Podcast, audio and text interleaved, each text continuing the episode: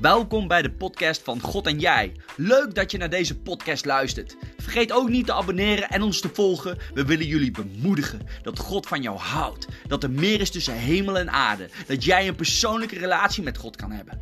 Vergeet ook niet onze website te checken: www.outreachzutphen.nl. Be blessed in Jesus' name. Ja, soms gebeurt er veel, hè? Dan weet je soms helemaal niet waar je moet beginnen. Maar als eerste wil ik heel graag gewoon Jezus alle lof en eer geven. En wil ik God echt danken dat Hij hier is, dat Hij wonderen doet, dat Hij van ons houdt, dat Hij ons samenbrengt. En uh, ook uh, ja, iedereen welkom die hier voor het eerst is. En uh, ga niet te vroeg weg, want straks is er nog heerlijk eten. Daar is deze gemeente erg goed in. Hè, Moeji? Jij kan goed koken, hè? Makkan, makkan. Juist. Ik wil het vandaag hebben over een heel bijzonder persoon. Dat is Paulus. En Paulus is niet zomaar een man of, of, of, of, of een persoon. Het was eigenlijk een heel slecht mens. Die vol zat met religie. Die vol zat met ik weet het wel. Hij was goed opgeleid. Hij was een, een, een Jood uit de stam Benjamin. Hij was rijk. Dus hij wist veel. De mensen hadden ontzag voor hem, want hij was ook een leider van de fariseeërs. Hij stond notenbenen met de jassen vast als er een doodstraf werd uitgeoefend omdat iemand godslastering had gedaan. In die tijd was dat normaal, hè? Er werden gewoon mensen gestenigd. En Paulus, die dacht dat dat de wil was van God. Soms, en dat lezen we ook, hè? En, en dan moet je maar eens lezen. Ik ga dat niet helemaal voorlezen, want ik heb al zat Bijbelteksten die ik straks voor ga lezen. Maar in 1 Korinthe, hoofdstuk 1, Dankjewel, broer. Staat iets. En dan staat het volgende: dat God in zijn dwaasheid heeft geopenbaard hoe je moet geloven. En dan gaat het over het kruis. En dan lezen we ook hè, in andere religies of, of, of uh, mensen die er niet erbij kunnen. Ik maak dat ook wel eens mee. Dat mensen zeggen tegen mij: Edward, dat jij dat kan geloven. En omdat ik die Bijbeltekst ken, denk ik ook soms, hè, dat, dat, dan voel ik gewoon dat de Heilige Geest ook tegen mij zegt: Ja, dit is een voorrecht voor de christenen dat wij dit kunnen geloven. Dat wij kunnen geloven dat Jezus Christus aan dat martelvoertuig, het kruis, werd genageld, maar dat de dood hem niet kon houden. En er gebeurden veel wonderen en tekenen ook op het moment toen hij gekruisigd werd, Heer Jezus. En toch waren er heel veel mensen die nog steeds niet tot geloof kwamen. Die het toeval noemden, omdat ze te slim waren, de wetenschap goed kenden. Ja, toevallig dat er nu gebeurt, maar dit en dat, zo krijg je dat. Maar uiteindelijk heeft God alles zo gemaakt dat het ook natuurlijk gaat. Als God zegt, ik ben overal te vinden in de natuur, overal, dan is dat letterlijk zo. Alles bestaat namelijk uit moleculen.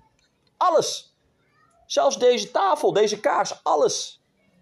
Het is ongelooflijk. Hoe meer de wetenschap achter dingen komt, hoe mijn geloof eigenlijk steeds sterker wordt. Ik ken wetenschappers die zelfs door de wetenschap tot geloof zijn gekomen. En hele interessante verhalen hoor je dan. Dat ze maar zijn gaan zoeken en met de wijsheid het niet konden pakken. Maar voor de simpele ziel is het evangelie veel makkelijker te pakken. Daarom zegt Jezus, heb een geloof als een kind. De discipelen waren ongeletterde mensen. In handelingen lezen we dat Johannes en Petrus worden gevangen genomen omdat ze over Jezus alleen maar vertelden.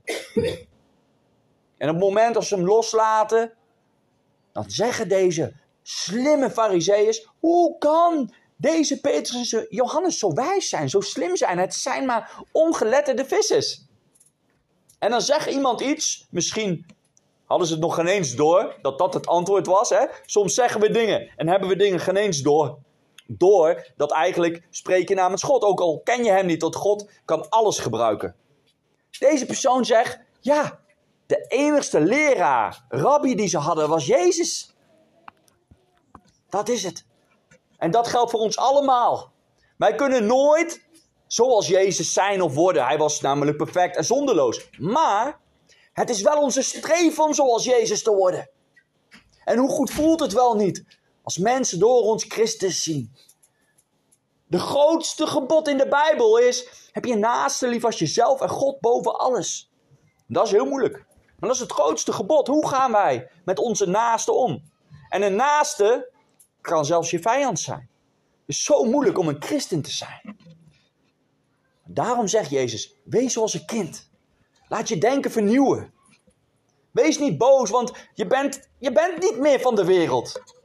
Je bent hier op de wereld om een missie te leven. Laat mij jou trainen. Zo, nou kom ik weer terug op Paulus. Paulus was dus zo'n geniale man, werelds gezien. Maar op een gegeven moment, toen hij weer een klusje moest doen met zijn mensen om christenen te vervolgen. Hij pakte vrouwen, mannen, kinderen op, gooide hen in de gevangenis, martelde ze, noem het maar op. Omdat hij vond, Jezus, de Zoon van God, hoe kan iemand zich een Zoon van God noemen? Godslastering. Eigenlijk bedoelde hij het goed. hoe vreemd het ook klonk. Maar hij deed mensen pijn. En op een dag was hij bij Damascus. Dat lezen we in Handelingen 9. Lees het maar. Ik heb nou 1 Korinthe, hoofdstuk 1, lees die maar. Maar lees Handelingen 9 vandaag ook maar. Dus als je nog niet weet wat je moet lezen, deze twee hoofdstukken. Echt waar. Handelingen 9 gaat over de bekering van deze Paulus, die toen nog Saulus heette. Want God geeft mensen nieuwe naam als dat nodig is. Halleluja. Saulus loopt dan met zijn eh, mannen. En ze denken: mooi, we gaan die christenen pakken. Krijgen daar goed geld voor. Worden goed ondersteund. We staan in onze recht. Daar gaan we. Op een gegeven moment, toen ze onderweg waren, kwam er een fel licht, lezen we in Handelingen 9. Een fel licht en een stem. Maar alleen die stem kon Saulus verstaan. De mannen niet. De mannen zagen een licht en hoorden gedonder en alles. Maar ze wisten niet wat er gebeurde, behalve dat er iets bovennatuurlijks gebeurde. En de stem zei: Saulus, Saulus, waarom vervolg je mij? En Saulus valt op zijn knieën, wordt blind geslagen door het fel licht, kan niet meer zien en hij zegt: Heer, Heer, wie bent u dan? Ik ben Jezus de Christus die jij steeds vervolgt. Door die aanraking veranderde Saulus zijn leven. Hij kreeg visioenen. Hij wist, ik moet naar ene Ananias gaan. En Ananias, die krijgt ook een visioen tijdens dat hij in gebed is. En hoort van deze beruchte moordenaar. Want de christenen waren als de doods voor deze persoon. Zo erg eng was die. En Ananias kan het niet geloven. En dan zegt God iets wat heel moeilijk is misschien wel. Over ons christenen. Dat wij soms, hè, dat heb ik, dat heeft elk mens.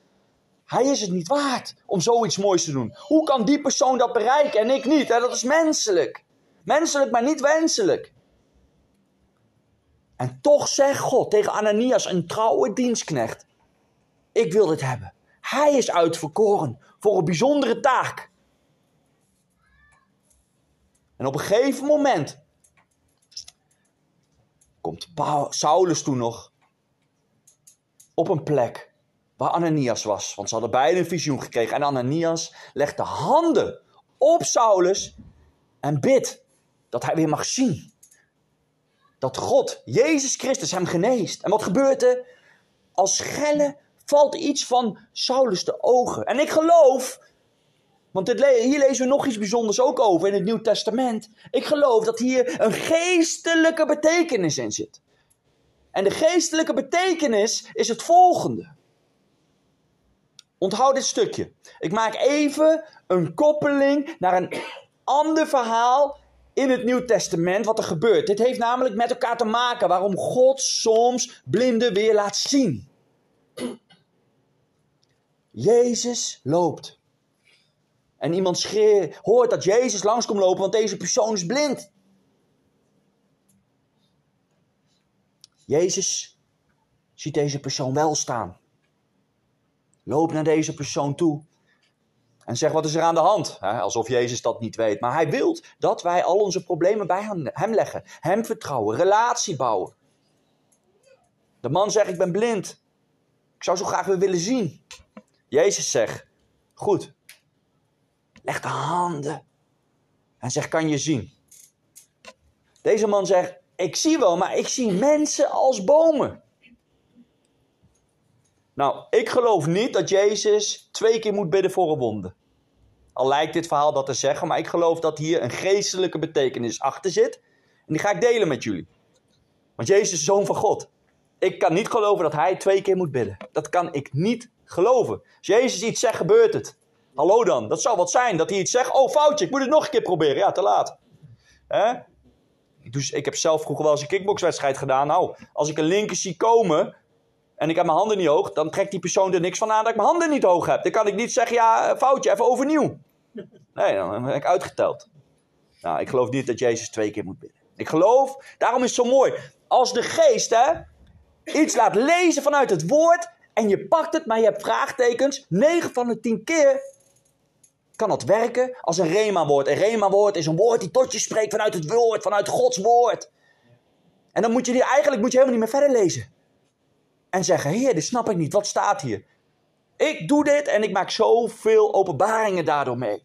Ook in dit verhaal. Jezus twee keer bidden.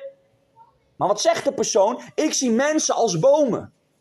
In Psalm 1 lezen we dat wij mensen bomen zijn. Die aan waterstromen zitten. Waterstromen. En, en, en, en, en op onze tijd vruchten geven. Is allemaal, als je de Bijbel niet kent, mysterie. Maar de Bijbel praat vaak met symbolen. Het occulte doet dat ook na. Maar alles komt vanuit God. De duivel kan niet zelf iets verzinnen, namelijk, want God heeft alles al verzonnen. De boom is een mens, een gelovig mens. Het stromend levend water is de Heilige Geest. En als we een boom van gerechtigheid zijn, en niemand is gerechtig, alleen door Jezus Christus, en naar de Heilige Geest luisteren, dan zullen onze vruchten geweldig zijn. Want de boom zal je herkennen aan zijn vruchten. Ik geloof dat Jezus op een gegeven moment zegt: Dit vind ik belangrijker. Ik bid en je gaat zien. Maar wat zie jij? Jij ziet nu vanuit de geestelijke wereld. De mensen als bomen, kunnen jullie mij volgen? Jij ziet nu geestelijk. Nu komt iets anders wat eigenlijk minder belangrijk is. Dat denken wij maar hier op aarde. Maar we hebben maar 80 jaar vaak gemiddeld. En de eeuwigheid duurt eeuwig. Dus het geestelijke zien is veel belangrijker eigenlijk. En daarna kan hij ook zien aards. Ik denk dat dit dat is. En ik denk ook, weer terug naar Paulus, die schillen vallen van zijn ogen en hij kan ineens zien. En wat zegt hij? Ik wil me laten dopen. Paulus maakt meteen die sprong. Ik geloof, dit is allemaal waar, ik laat me dopen. Geen onderwijs, niks. Nee, waarom niet? Omdat het een opdracht is. Paulus zegt het in Handelingen 2. Als die heeft gepreukt met Pinksteren. En het volk die nog maar 50 dagen geleden Jezus wilde gekruisigd hebben, zijn toch overtuigd geraakt dat zij een fout hebben gemaakt. Verlossing nodig hebben. En Jezus kan hun die verlossing geven, het eeuwig leven geven. En ze zeggen, wat moeten we doen Petrus?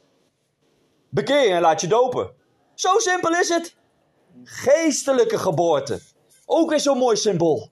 Niet meer van de wereld. Hè? Mijn moederschoot ben ik al gekomen. Mooi, hopelijk ben je opgedragen aan God. En hebben je ouders de vrezen des Heren in het mooie zin van het woord bijgebracht. Maar uiteindelijk mogen we zelf kiezen voor die geestelijke geboorte. Om gedoopt te worden. Halleluja. En Paulus deed dat. En Paulus had veel strijd. We lezen verder in Handelingen 9. Dat die mensen die eerst achter hem stonden, wilden hem dood hebben. Want hij was een verrader geworden. Hij leeft met Jezus. Goede vrienden, misschien wel familieleden, wie zou het zeggen? Hij moest in een mandje over een muur gebracht worden en veiliggesteld worden. De Bijbel is heel eerlijk. We hebben een avontuur. We moeten getraind worden. En Jezus wist dat. Papa God wist deze Paulus. Want zijn naam werd veranderd. Hè? veranderd. En moet je nagaan, dat is misschien wel een leuk weetje. Saulus betekende groot. Groot.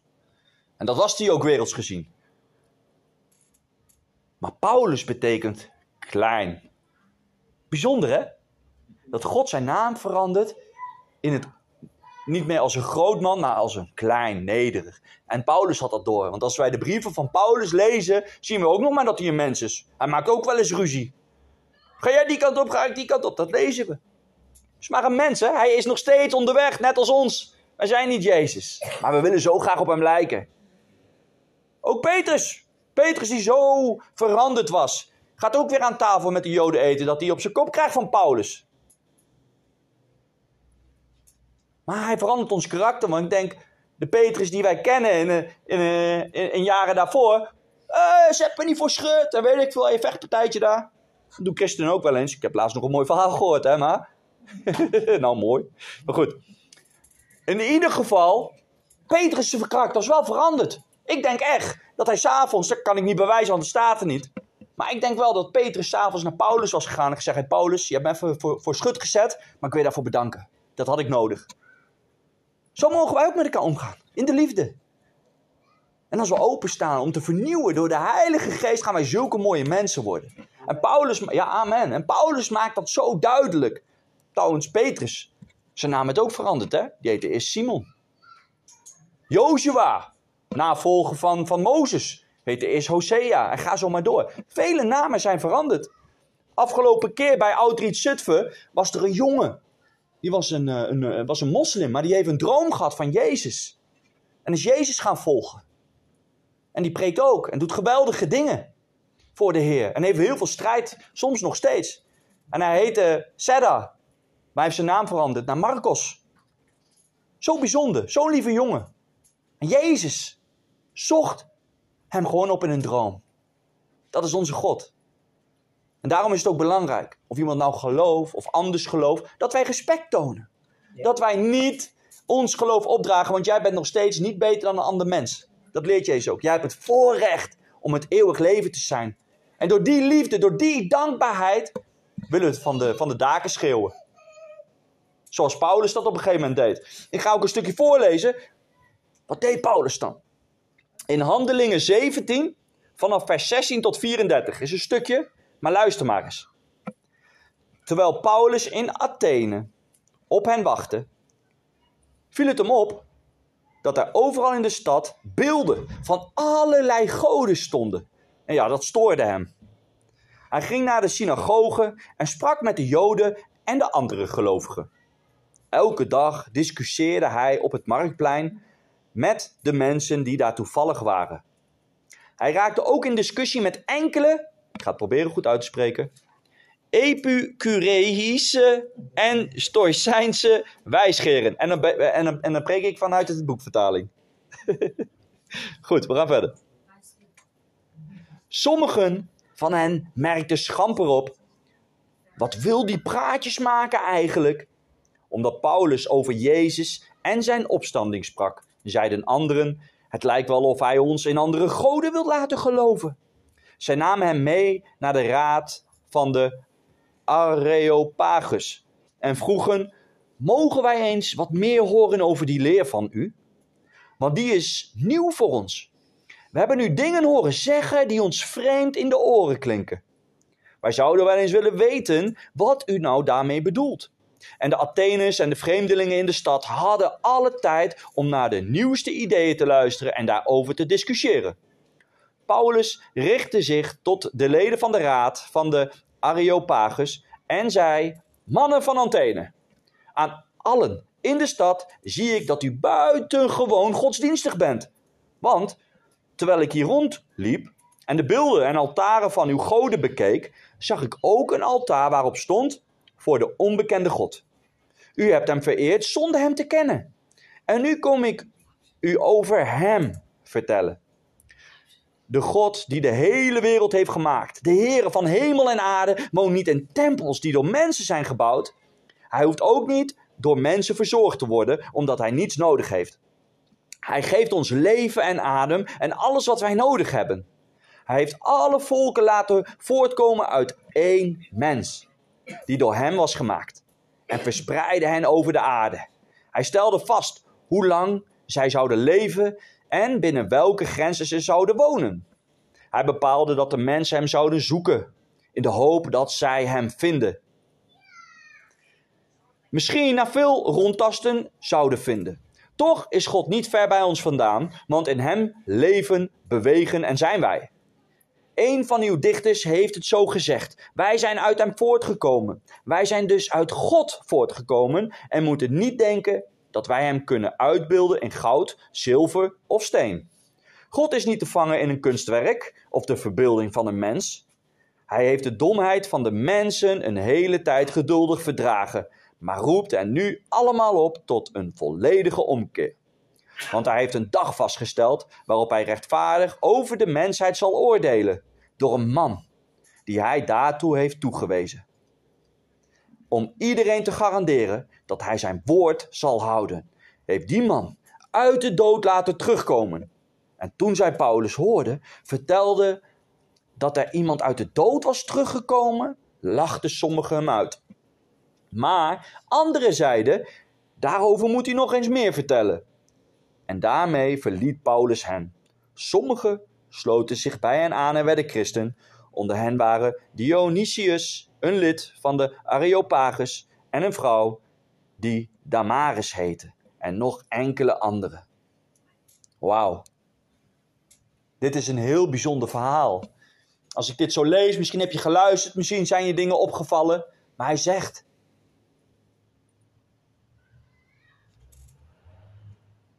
En dit is Paulus, hè? Paulus die eerst was, als je hem niet geloofde, kop eraf. En nu zegt hij gewoon, volg Jezus. Hij heeft door. Wij kunnen over Jezus vertellen, maar de Heilige Geest moet het werk doen. Als jij heel tijd over Jezus praat, ik heb die fout echt gemaakt vroeger, werden mensen gek van mij. Dan duwde je Jezus zeg maar in hun strot. Maar nu als ik ergens kom, gebeurt het gewoon. En dan lees ik ook, hè, dat lees ik dan, dan zie ik eigenlijk hoe de Heilige Geest Paulus leidt. Als ik dit verhaal, dit stukje lees namelijk, zie ik dat God hem die beelden laat zien. En hem valt op dat er een beeld staat die onbekend is. En hij gebruikt dat om ingang te krijgen om te kunnen vertellen over Jezus Christus.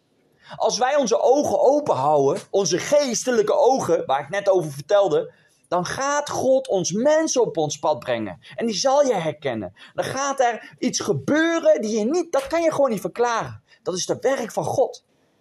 Dat kan zijn dat je mensen op je hart krijgt om voor te bidden. Dat je een droom krijgt, een visioen krijgt. Dat je gewoon bidt en er gebeurt inderdaad een wonder. Maar in ieder geval, als we de Heilige Geest laten leiden, dan gaat er iets gebeuren.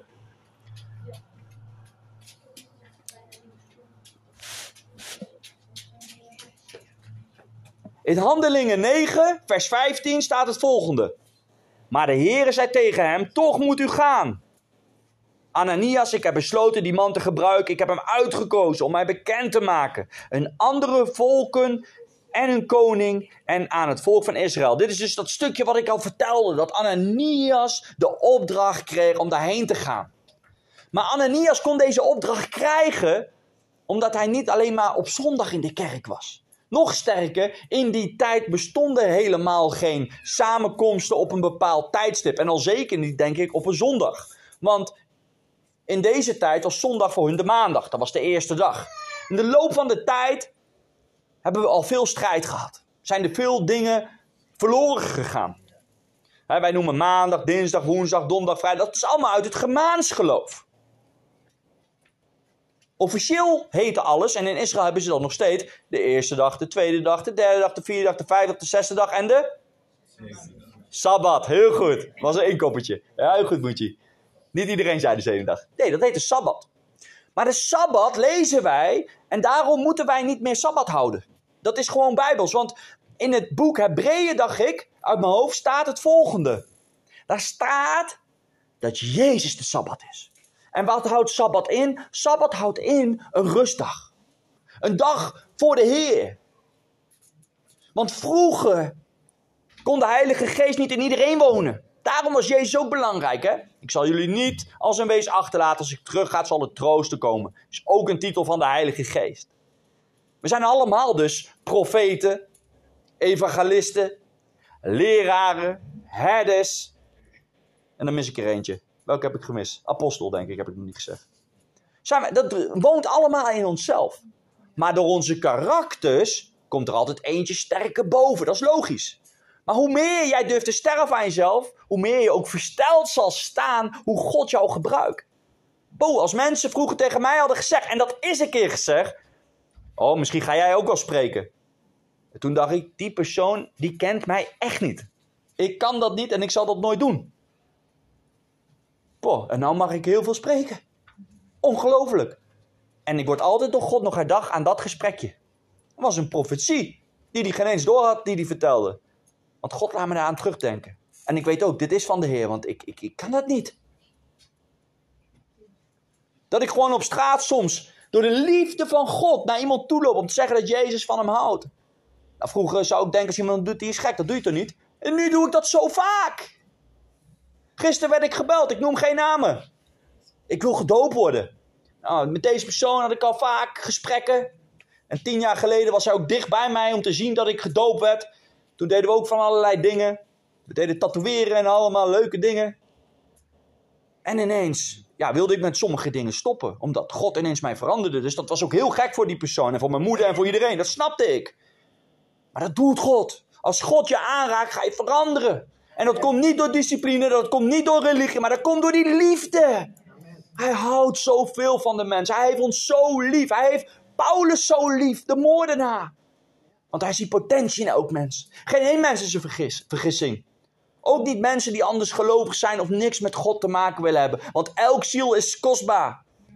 En als we dat zien, dan zijn we bereid, zoals Jezus, om te vertellen. De allergrootste profetie die je maar een mens kan vertellen. Echt waar.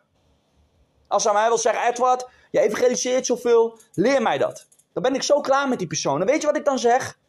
Zeg tegen de mensen dat God van hun houdt. Dat is de grootste profetisch woord die mensen moeten horen. Gisteren waren we naar de markt met mijn zoontje, mijn vrouw en mijn schoonmoeder. En uh, de slagboom bij de Albert Heijn werd open gedaan door een uh, medewerker daar. Ik voelde zo sterk dat ik moest zeggen dat Jezus van hem hield.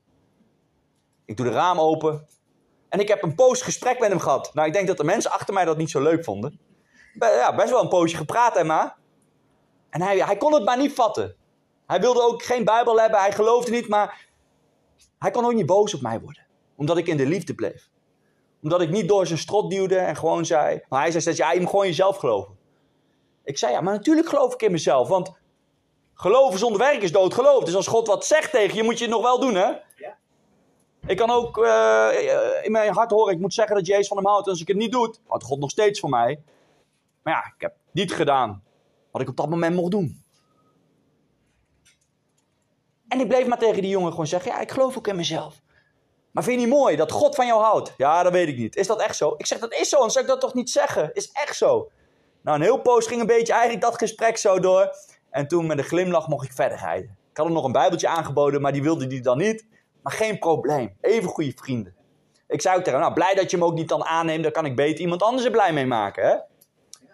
En ik denk: Wauw. Maar ik weet zeker, zoals broeder Jeff net getuigde, alles wat wij zeggen lijkt soms onzin als we het weer met onze vleeselijke ogen bekijken. Maar in de geest precies, maar in de geest weet ik, ik heb hem een zaadje geplant. En wie weet, komt hij wel iemand anders tegen of komt er iets in zijn, in zijn buurt dat weer over God begint en dat hij ook denkt, ja dat was laatst ook zo'n gast bij de slagboom die er al over begon. Zo kan God werken. Soms hebben we hard grond. Voordat je gaat graven moet het zacht gemaakt worden. En mensen hebben niet allemaal een voorrecht waar ze geboren wordt. Wie ze hun vrienden waren. Een hond wordt niet vals geboren, trap hem één keer te vaak en hij is vals. Een baby wordt niet vals geboren, maar waardoor wordt hij opgegroeid? Wij hebben geluk dat we in Nederland wonen. Weet je? En daarom weet ik dat God echt bestaat. Want ik kan bidden voor Mark Rutte. Ja, dat kan ik. Vind ik hem aardig? Nee. Ben ik boos op hem? Ja. Maar toch is zijn ziel kostbaar, zegt God. Dus ik bid voor Mark Rutte. En ik hoop dat ik hem mag dopen. Weet je? Want dat is de wil van God. God wil niet dat we regenboogvlag in de fik zetten. Nee, die mensen zijn zo in de war omdat, omdat we in een goddeloze maatschappij leven. Ze hebben een huk nodig en zeggen: God houdt van jou. En door die liefde van God, want de wereld is zo ver in paniek, wij kunnen niet hun Bijbels onderwijs geven. Dan duwen we hun nog verder weg van de kerk en van Christus. Maar als wij zeggen: God houdt van jou. En die liefde gaat werken in zo'n persoon, dan doet de Heilige Geest het zelf. Daarom staat er in 1 Johannes 2, vers 27: Laat geen één mens je leraar zijn, maar Gods geest. Dus alles wat ik heb gezegd, toetst het. Ik probeer mensen alleen maar aan te moedigen en aan te vuren. Om te focussen op die liefde, omdat het het grootste gebod is. Heb God lief boven alles in en haast als jezelf. Heb God lief boven alles, omdat Hij nooit egoïstisch is. En de beste raad aan ons kan geven, waardoor we de beste mensen wonen. Ik heb heel veel spijt van vroeger hoe ik heb geleefd. Ik heb veel mensen pijn gedaan zonder dat ik het door had. Omdat het normaal was in de wereld. Voor dingen waar ik me vroeger niet voor schaamde, schaam ik me voor. Omdat ik weet, oh, dit had ik nooit mogen doen. Maar ik wist het niet. Ik was blind. Amazing grace, hè? Wat Paulus meemaakte, wat deze man meemaakte, wat ik mocht meemaken en velen van ons. Amazing grace. Ik was blind, maar nu kan ik zien. Geestelijk zien. Want God houdt ervan dat wij het goede nieuws mogen brengen. Hij kon engelen de opdracht geven, maar hij heeft jou en mij uitgekozen om het te laten zien. Niet alleen met woorden, maar vooral met daden. Want ik denk, als ze weten dat jij christelijk bent en dan schijnheilig gaat doen, dan duwen ze nog verder weg. Zie je die christen? Daarom, de duivel loert op ons. Hij wil verslinden wie die verslinden kan. Daarom hebben we elkaar nodig. Daarom heeft de wapenuitrusting op de rug ook niks, hè? Dat is onze opdracht, om voor elkaar te bidden. Rugdekking. Ik wil zo eindigen, want ik zie dat ik weer een half uur preek. Ja, ik wil nooit langer dan een half uur preken. Wil ik niet meer. Dat deed ik vroeger, was ook fout. Maar waar ik mee wil eindigen is het volgende. Ik wil eigenlijk een oproep doen. Ik had strijd. Want ik had zalfolie in mijn, in mijn koffer. Dat kan ik nergens vinden. Dat kan ik nergens vinden. heb ik nergens gezocht. Maar God is zo goed dat ik meteen naar de eerste toe loop. Naar mijn lieve zus Rilana. Heb jij toevallig zalfolie bij? Ze zei ja. Ik zei halleluja. Dank u Jezus. Daarom voor alles bidden. Voor kleine dingen en voor grote dingen, Jeff? Alles bidden. Onthoud goed. Daarmee wil ik eindigen. We zijn hemelburgers. We leven op deze wereld, maar we zijn niet van de wereld. Hè? Misschien zijn er mensen die nog nooit een keuze hebben gemaakt voor Jezus. Dat mag je vandaag, met zoveel getuigen hier, je leven aan Jezus geven. Niks moet, kan ook straks thuis op je knieën bij het bed, hè? Maar ik zou het mooi vinden als je het nu wilt doen. Kom ik naar je toe, wil ik je zalven, wil ik voor je bidden. Misschien ben je ziek. En hoe mooi is het straks met broeders en zusters dat we met z'n allen staande handen uitstrekken, dat we met elkaar gaan bidden. Ik wil sowieso straks zuster Tracy naar voren roepen. En graag voor jou bidden. Laten we even in gebed gaan om dit onderdeel even, even, even te laten zakken en, en, en, en, en, en, en de Heilige Geest te laten spreken tot ons hart. Heer Jezus, dank u wel dat u hier bent. U belooft zelfs waar twee of drie in mijn naam is, daar, daar ben ik in het midden. En u bent hier. En ik voel u, lieve Heilige Geest. En ik bid, wilt u door deze ruimte heen gaan en elk hart aanraken. Dat we straks nog voor elkaar mogen bidden. En ook straks misschien elkaar nog beter mogen leren kennen bij het eten. Misschien zijn er nog wel woorden van bemoediging, wat u zegt in 1 Korinthe 14. Strek je dan uit naar elke gave van de geest, maar vooral die van profiteren. Omdat ze elkaar bemoedigen. We hebben soms, omdat we nog vastzitten in ons vlees, richting nodig. Bevestiging nodig. Bemoediging nodig. En ik bid ook, op dit moment, als u woorden hebt. Want u wilt door iedereen heen werken, niet alleen door mij. Wilt u dan dat openbaren, dat we straks elkaar nog mogen bemoedigen. Ik bid ook dat straks als we met elkaar praten, dat u het leidt, dat we met de juiste mensen mogen praten. En Heer, ik bid dat als er mensen zijn die misschien nu zenuwachtig worden, misschien niet durven, dat ze gewoon vrijmoedigheid krijgen omdat we hier veilig zijn. Onder broeders en zusters die elkaar willen versterken. En ik bid dat als we morgen naar huis, of als we straks naar huis gaan en morgen weer een nieuwe week ingaan, dat we vol vuur mogen zijn van uw Heilige Geest. Dat mensen zullen zien dat wij een sterk licht zijn voor deze aarde en een goed zout, een smaakbrenger zijn voor Christus. In Jezus' naam. Amen. Amen.